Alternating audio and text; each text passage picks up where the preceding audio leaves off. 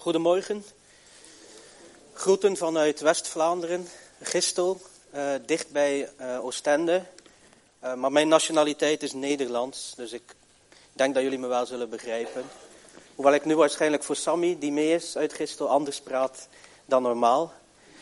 Um, ja, het is al een hele tijd geleden dat ik hier was, dus voor zij die mij niet kennen, ik ben Ruben en ik ben voorganger in een evangelische kerk in Gistel.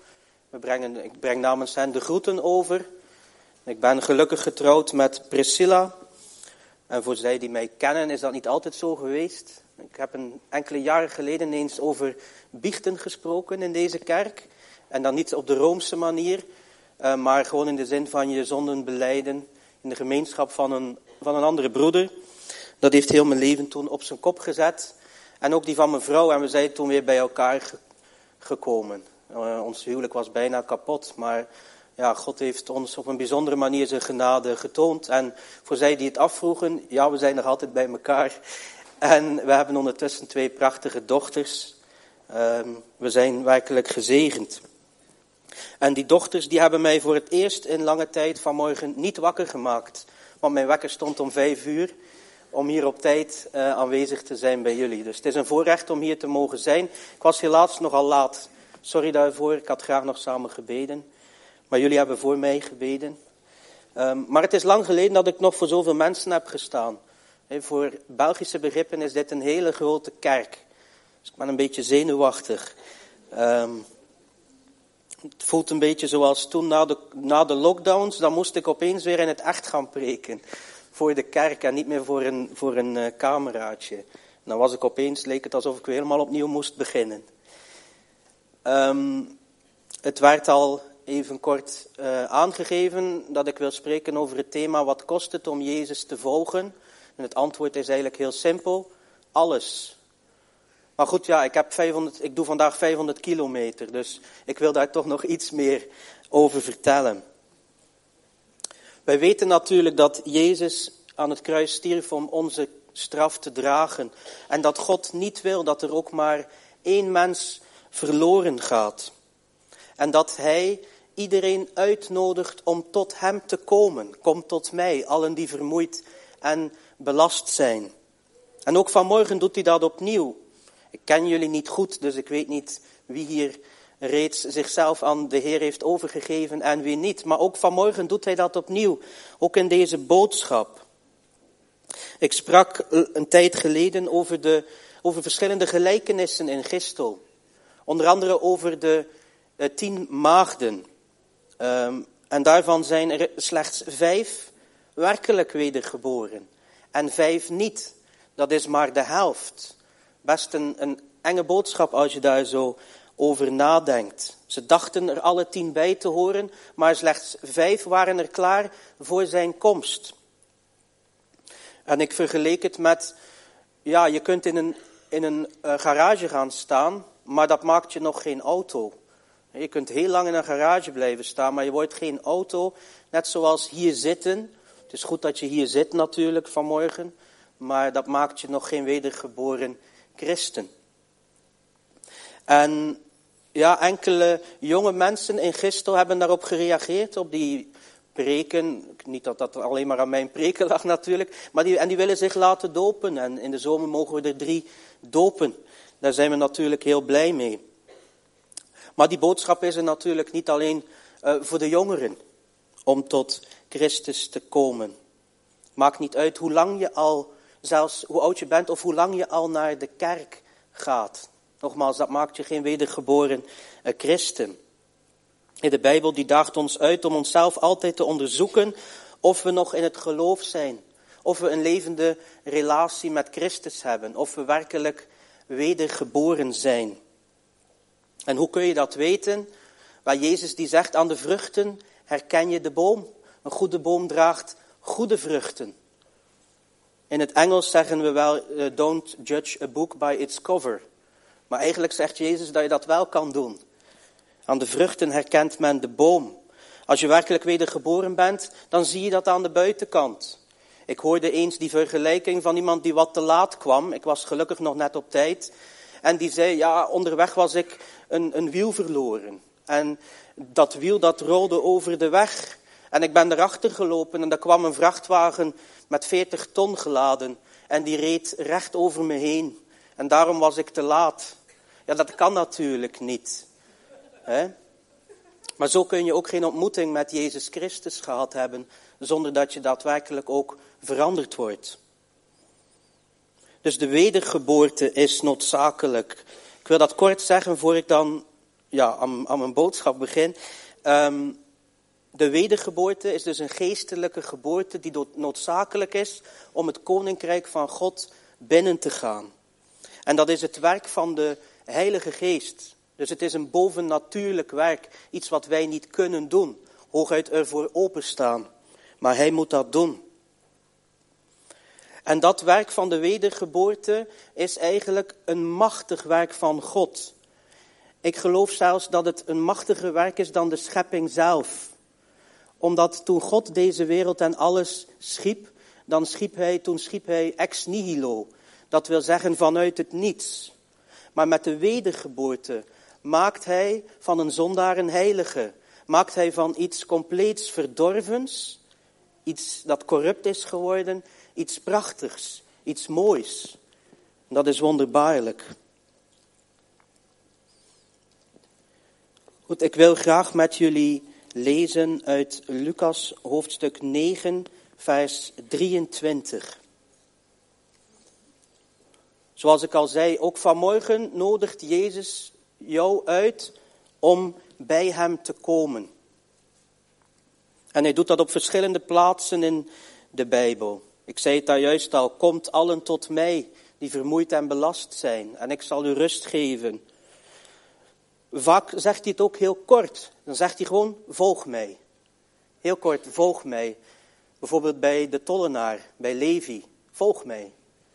Of bij de discipelen, volg mij. En dan laten ze hun netten achter en volgen ze hem. Maar hier zegt hij het iets anders. In Lucas 9, vers 23. Tegen allen zei hij, wie achter mij aan wil komen, moet zichzelf verloochenen en dagelijks zijn kruis op zich nemen en mij volgen. Wat kost het om Jezus te volgen? Hier nodigt Jezus mensen uit om bij Hem te komen, om achter Hem aan te gaan. Met andere woorden, om gered te worden. Maar, zegt Jezus, daar hoort wel wat bij. Iedereen wil natuurlijk vergeven worden. Iedereen wil genade ontvangen. Iedereen wil naar de hemel gaan. Niemand wil verloren gaan. Dat is logisch. Maar dat kan alleen maar onder zijn voorwaarden, zou je kunnen zeggen. Stel je voor dat je in de oceaan, in het midden van de oceaan bent. En je bent een drenkeling. Je bent aan het verdrinken. En je ziet wat van die haaien rond je heen cirkelen. En plotseling komt daar een reddingsboot aan.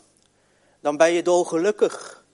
En als ze je dan aan boord trekken, dan vraag je niet eerst, ja maar welke voorwaarden zijn eraan verbonden? Wat gaat dat kosten? Krijg ik nog een rekening achteraf? Nee, natuurlijk niet. Je beseft dat je reddeloos verloren bent. En dat is elk mens buiten Christus om.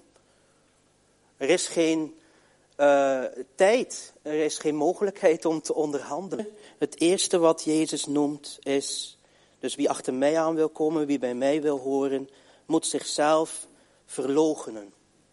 Beetje een zware boodschap vanmorgen, dat besef ik. Ik zal af en toe proberen een grapje te maken om het wat draaglijk te houden. Um, maar voor alle duidelijkheid, ik spreek net zo goed tegen jullie als tot mezelf. Hè. Zelfverloochening. Wie bij mij wil horen, zegt Jezus, moet zichzelf verloochenen. Met andere woorden, zelfopoffering. Het opofferen van je eigen ambities om een groter doel, om Hem te gaan dienen. Met andere woorden, Jezus zegt, wie achter mij aan wil komen, moet nee zeggen tegen zichzelf. Op het moment dat je een wedergeboren christen bent, het moment dat je wedergeboren bent, dan ga je, als het goed is, steeds minder hoog over jezelf denken.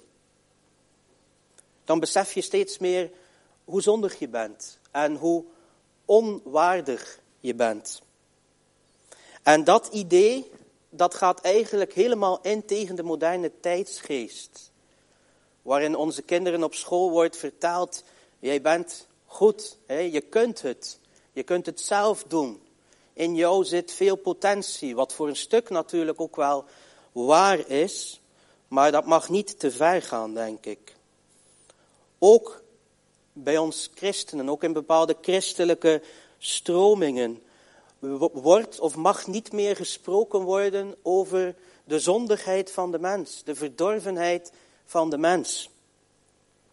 Maar Jezus bevestigt dit in Marcus 7, vers 20. Ik zal het voorlezen, de versen 20 tot en met 23.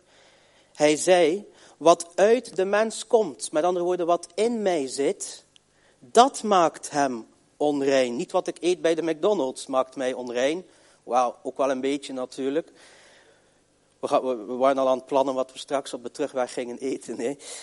Ehm, maar dat wat uit de mens komt, dat wat in mij zit, dat maakt mij onrein. Want van binnenuit, zegt Jezus, uit het hart van de mensen komen slechte gedachten, ontucht, diefstal, moord, overspel, hebzucht, kwaadaardigheid, bedrog, losbandigheid, afgunst, laster, hoogmoed, dwaasheid. En hij herhaalt het nog een keer. Al deze dingen komen van binnenuit.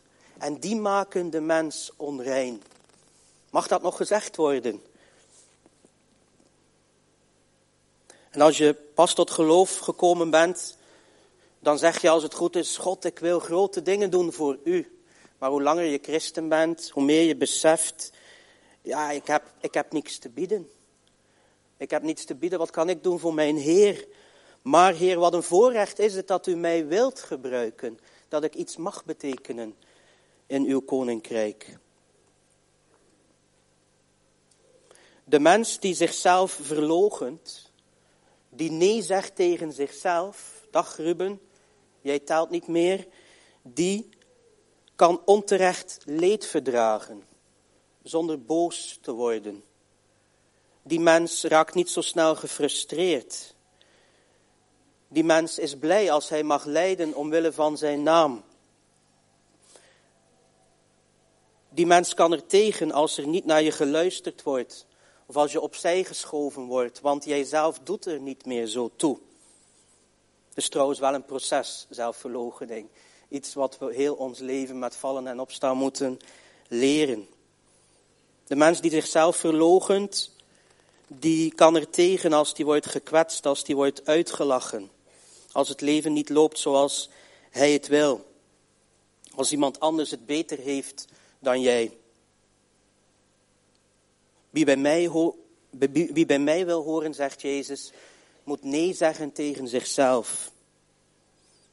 Dietrich Bonhoeffer, die zei het als volgt. Wanneer Christus iemand roept, dan vraagt hij hem te komen en te sterven. Want alleen de mens die dood is voor zijn eigen ik, kan een volgeling van Jezus zijn. In wezen is elke opdracht van Jezus een oproep om te sterven met al onze genegenheden en verlangens. Wie achter mij aan wil komen, moet zichzelf verloochenen. En dagelijks, zegt Jezus, zijn kruis op zich nemen. Wat bedoelt Jezus met dat kruis dragen? Zijn dat die vervelende kinderen, s'morgens aan je bed? Is dat die baas op je werk die je het leven lastig maakt? Of je schoonmoeder, wie zal het zeggen? Ik denk niet dat Jezus dat hier bedoelt. Ik denk dat Jezus luisteraars heel goed begrepen wat Jezus bedoelde met kruisdragen. Want in de tijd van Jezus werden tienduizenden Joden rondom Jeruzalem gekruisigd. En vaak moesten zij een deel van dat kruis zelf dragen, zoals Jezus het ook heeft gedaan. Een kruis waar je dan zelf aankomt te hangen. En toen Jezus zei, wie achter mij aan wil komen, moet dagelijks zijn kruis op zich nemen, dan wisten zij dus heel goed wat Jezus bedoelde. Zij dachten maar aan één ding, niet, niet aan hun schoonmoeder. Hè. Zij dachten aan verschrikkelijk lijden. pijn en dood. Ik zei het al, een beetje een zware boodschap vanmorgen. Maar Jezus zegt, zo extreem moet jullie toewijding aan mij zijn. Bereid zijn om vervolgd te worden, om gehaat te worden, om afgewezen te worden, om uitgelachen te worden, om bepaalde kansen in dit leven te missen, om te lijden en ja, zelfs om te sterven. En hij zegt er ook nog een keer bij, elke dag, dagelijks. Een bijzondere manier van evangeliseren. Hè? Bijzondere manier van evangeliseren. Zo hoor je het niet vaak meer. Jezus verbloemt zijn evangelie niet. Hij zegt direct waar het op slaat. Zodat je weet waar je aan toe bent. Hij zegt niet, ik, kom maar bij mij, het kost je niks. Je krijgt een prachtig leven. Alles wordt roze geur en maneschijn. Want dat is het niet. Zo simpel is het niet. En dat zou dan achteraf waarschijnlijk ook wel voor teleurstellingen kunnen zorgen. Als je op die manier bij Jezus komt met dat idee. Daarom geeft Jezus het direct duidelijk aan. Geef al je plannen, al je hoop, al je dromen, al je ambities op. En zeg het maar tegen mij. Hier is mijn leven, Heer. Doe er maar mee wat u wil. Het is gevaarlijk om te zeggen, moeilijk om te zeggen hoor, ook voor mij. Want ik heb zoveel dingen die ik zelf wil, zoveel ambities die ik zelf heb en zoveel verlangens. Maar ja, ik lig in het midden van de oceaan. Ik zie die haaien steeds dichter komen. En het water staat me aan de lippen. Ik ga verloren. En Jezus zegt, ik kom je redden. Maar wie, bij mij wil komen, moet zichzelf verloochenen en zijn kruis op zich nemen. Ik heb niks te zeggen. Ik heb niks te onderhandelen. Ik ben niet in de positie om te onderhandelen. Ja, Heer Jezus, ik wil uw redding. Ik ben wanhopig, want mijn zonden wegen zwaar op mij. Ik wil uw vergeving. Ik wil eeuwig leven. En als het dat is wat u van mij vraagt, dan geef ik het. Het is voor u. Ook al kost het mij alles.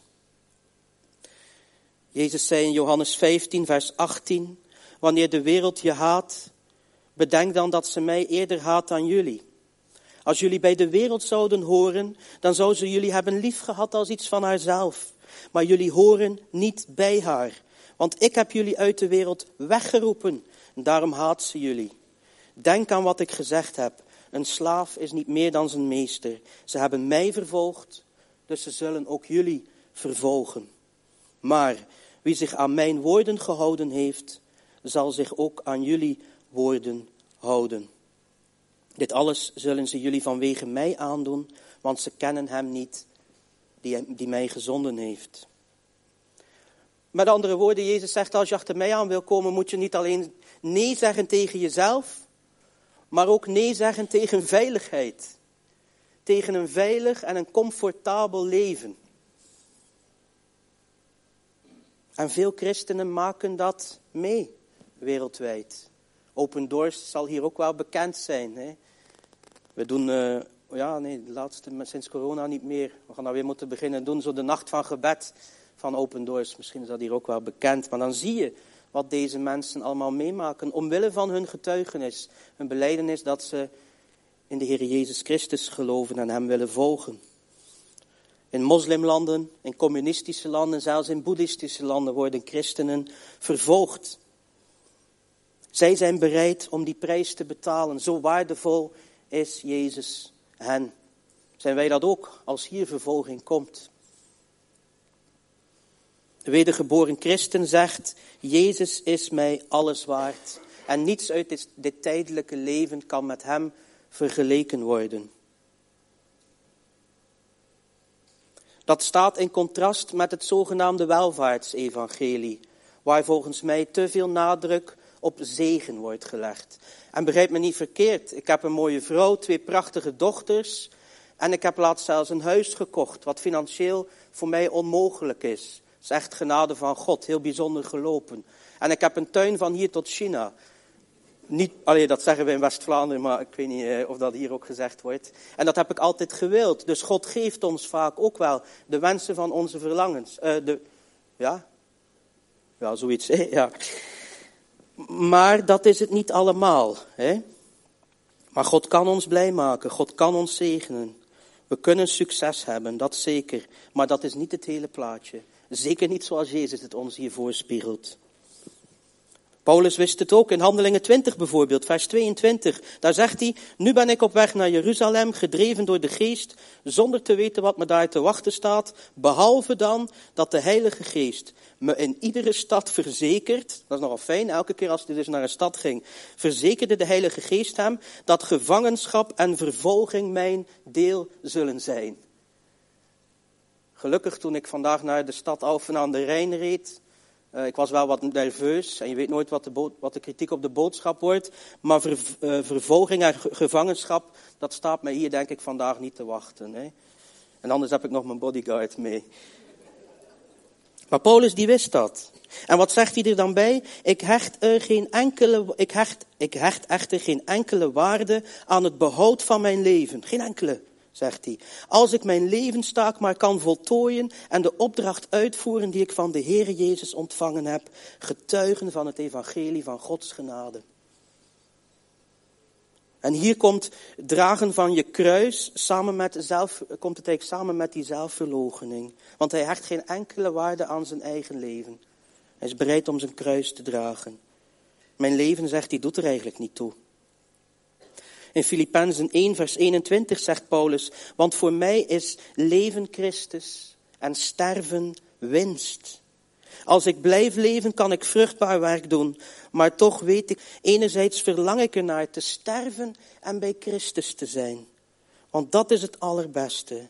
Anders is het meer in uw belang dat ik blijf leven. Ik kan dat nog niet helemaal zeggen.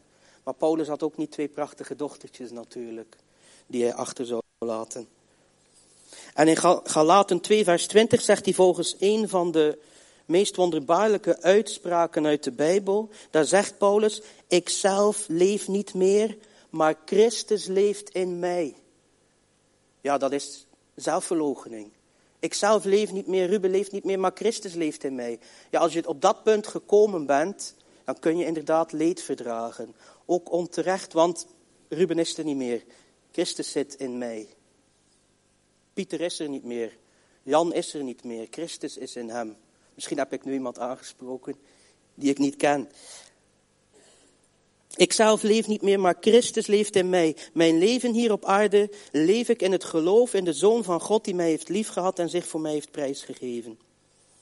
En Jezus zegt het ook zelf in, in Marcus 8, vers 35. Want ieder die zijn leven wil behouden, zal het verliezen.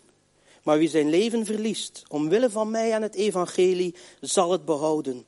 Wat heeft een mens eraan als hij de hele wereld wint, maar er het leven bij inschiet? Of die andere vertaling, schade leidt aan zijn ziel. Thomas Shepard, die schreef een hymne in de 17e eeuw, maar nog altijd heel mooi. Kort stukje daarvan, ik zal het voorlezen in het Engels. Het gaat over kruisdragen. Must Jesus bear the cross alone and all the world go free?